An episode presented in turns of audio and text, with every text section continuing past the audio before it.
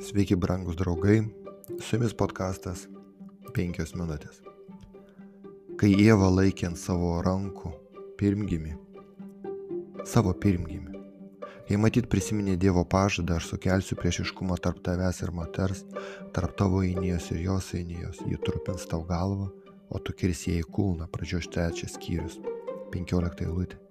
Ir tikėdamasi, kad taip pažadėtas išgelbėtas, jį pavadino jį kainu o tai reiškia įgytas. Ji pasakė, viešpaties padedama gavau berniuką. Originaliame tekste galite perskaityti kaip aš gavau vyrą viešpatį. Jos noras, kad kuo greičiau išsipildytų pažadas, buvo pasmerktas giliausiam nusivylimui. Ji nė nenujautė, kad būtent šis vaikas taps pirmojų pasaulyje žudiku. Tas, kuris, kaip manoma, buvo išganytojas, išgelbėtojas, tapo viešpaties priešu. Antrasis Adomas ir Jėvos sūnus turėjo netokį įspūdingą vardą. Abelis reiškia tuštumą arba tuštybę. Apie Abelį sakoma, kad jis buvo avių piemuo, o Kainas buvo ūkininkas. Tai, kad Abelis tapo avių ganytojų, iš pirmo žvilgsnio gali pasirodyti keistas, nes žmonės tuo metu nevalgė gyvulinės mėsos. Bet pažvelkime tai iš kitos pusės. Kai viešpas sukūrė Domą, jis ne tik liepė jam puoselėti ir prižiūrėti sodą, pradžios antras skyrius, bet ir valdyti gyvūnus, žuvis ir paukščius, pradžios pirmas skyrius. Tiesą sakant, Kainas ir Abelis pasidalijo atsakomybę, kuri buvo paskirta jų tėvui.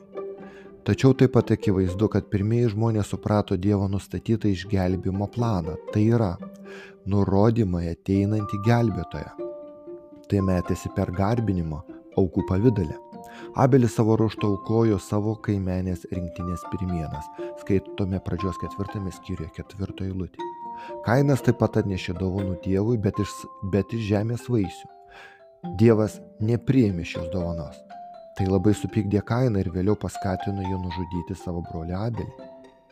Vėliau paštalas Paulius laiškė hebrajams šį įvykį pakomentavo sakydamas, kad Tikėdamas Abelis atnašavo vertesnę auką negu kainas ir tikėjimas jį palidijo esant teisų, nes pats Dievas patvirtino jo dovanas. Dėl tikėjimo jis ir miręs tebe kalba. Hebrajams 11 skyrius 4 eilutė. Kas buvo blogai kaino aukoje? Norėdami tai suprasti, turime pažvelgti į tai, kodėl Adomas ir Jėva nemirė tą dieną, kai nusidėjo. Kai viešpats perspėjo žmonės nevalgyti nuo draudžiamo medžio, jis pasakė, kai tik nuo jo paragausi, turėsi mirti. Pradžios antras skyrius.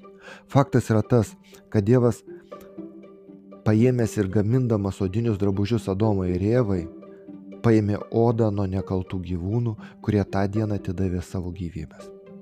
Jie mirė už žmonių nuodėmę. Vėliau šitą pakaitinės aukos principą prašys Paulius kalbėdamas apie gyvūnų aukas ir Jėzaus Kristaus auką. Ir be kraujo pralyjimo nėra atleidimo. Hebrajams 9 skyrius. Abelis aukojęs Dievui išreiškė savo išgelbėjimo ir atleidimo poreikį, tačiau Kainas nematė tam reikalui. Jis nelaikė savęs pasmerktų nusidėlių, kuriam reikia išgelbėjimo. Bet tada kyla kitas klausimas, kodėl jis visgi atnešė savo auką, savo dovaną ir kodėl tai buvo žemės vaisius. Nebijotinai Domas ir Jėva pasakojo savo sūnums apie laimingas dienas praleistas Edeno sode, kurios dabar jiems buvo nepasiekiamos. Kainas ir Abelis taip pat žinojo, kodėl jų tėvai buvo išvaryti iš rojos. Viskas dėl kažkokių vaisių galėjo pagalvoti Kainas ir žod pasekė savo jaunesnio brolio pavyzdžių ir vykdydamas Dievo nurodymą, jis nusprendė į rojų grįžti pats. Kad ir kaip fantastiškai tai skambėtų, tačiau daugelis žmonių šiandieną nesupranta savo išgelbėjimo ir susitaikinimo su Dievu poreikio ir kad tai įmanoma tik dėl, dėl ką Kristos. Savo gerais darbais jie bando paveikti Dievą. Šis senovinis bandymas manipuliuoti aukščiausiųjų sukėlė daugybę šlikščių senovės kultų, įskaitant ir tokius, kurie aukodavo žmonės. Ta pati samprata gyvoja ir dabar, kai žmonės bando savo sitarnauti išganimą savo kabutėse pamaldumu, apie kurį Izaijas sako, nėra kas šauktųsi tavo vardą, kas tenktųsi tvirtai tavęs laikytis. Izaijo 64.6. Mili draugai, Šio tragiškoje dviejų brolių istorijoje matome du kelius, kurie žmonės bando grįžti į rojų. Kaino klavietė ir Abelio kelias, vedantis į susitaikinimą su Dievu. Kai kurie iš mūsų jau pasirinko, kažkas tai turės padaryti. Nesuklyskite, juk pasirinkimas akivaizdus. Į dangų veda tik vienas kelias, kaip parašyta. Taigi, broliai, dėl Jėzaus kraujo įgavę pasitikėjimą įžengti į šventovę. Ir tai Jėzaus Kristaus kraujas. Su jumis buvo penkios minutės.